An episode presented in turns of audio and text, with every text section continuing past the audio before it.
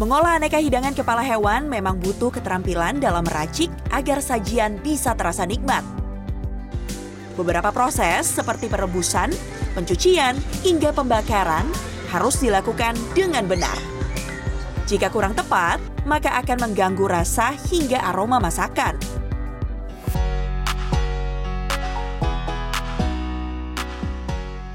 Kepala ikan dan kepala ayam adalah sajian yang sudah umum dan mulai banyak restoran atau tempat makan yang menyajikannya. Untuk kepala ayam, biasanya diolah dengan cara digoreng hingga dijadikan soto. Sedangkan untuk kepala ikan, bisa diolah menjadi gulai atau sop. Seperti salah satu restoran di wilayah Surabaya, Jawa Timur ini.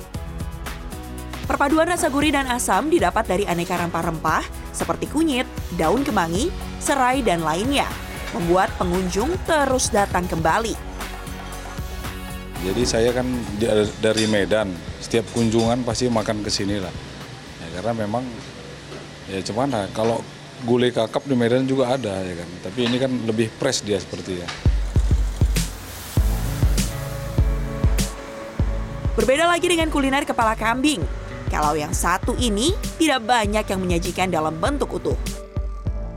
Jika ingin mencobanya, Anda bisa datang ke salah satu tempat makan di kota Tangerang, Selatan, Banten. Di sini, sajian kepala kambing dijual mulai dari harga Rp150.000 hingga Rp250.000, tergantung dari berat kepala kambing. Untuk pengolahannya, bisa menjadi sop, gulai, hingga semur. Racikan bumbu yang pas membuat pengunjung tak ragu untuk mencicipi. Kalau kepala kambing itu rasanya udah spesial banget, udah enak banget. Terus satu juga kan kepala kambing muda. Untuk menghasilkan sajian kepala kambing yang nikmat, diperlukan sejumlah teknik memasak yang berbeda dengan sajian kepala lainnya.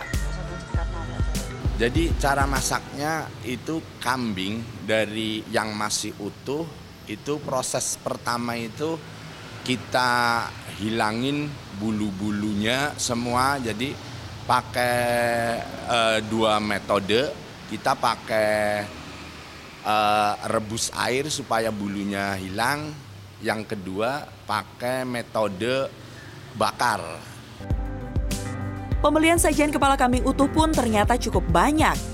Dalam sehari, tempat makan ini mampu menjual 4 hingga 5 kepala kambing yang dipesan online maupun langsung.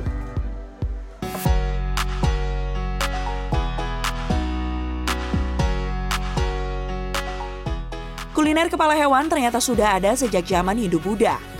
Tercatat dalam prasasti atau naskah-naskah kuno bahwa terdapat strata dalam mengonsumsi bagian hewan yang sudah disembelih. Hanya ada strata gitu dalam uh, dalam uh, apa dalam konsumsi uh, konsumsi bagian-bagian tubuh hewan he, hewan yang disembelih ya. Bagian daging yang terbaik itu untuk kelas atas ya. Kemudian untuk bagian-bagian yang terbuang ya yang dianggap sebagai uh, bagian yang tidak uh, dikonsumsi oleh kelas atas seperti bagian kepalanya, bagian kakinya, bagian buntutnya, bagian jeroannya itu dikonsumsi oleh kelas menengah bawah. Meski dahulu kepala kambing menjadi sajian kelas menengah dan ke bawah, kini kuliner ini disantap oleh semua kalangan. Bahkan harga jualnya pun menjadi yang paling mahal. Karena penasaran, saya pun mencobanya. Dan ini pertama kalinya saya makan kepala kambing dengan ukuran sebesar ini. Ternyata dagingnya empuk karena direbus selama 2 jam. Selain enak, ini juga bermanfaat untuk meningkatkan stamina. Jadi jangan ragu buat nyobain kepala kambing. Aulia Wardani, Yudhistira Satria, Jakarta.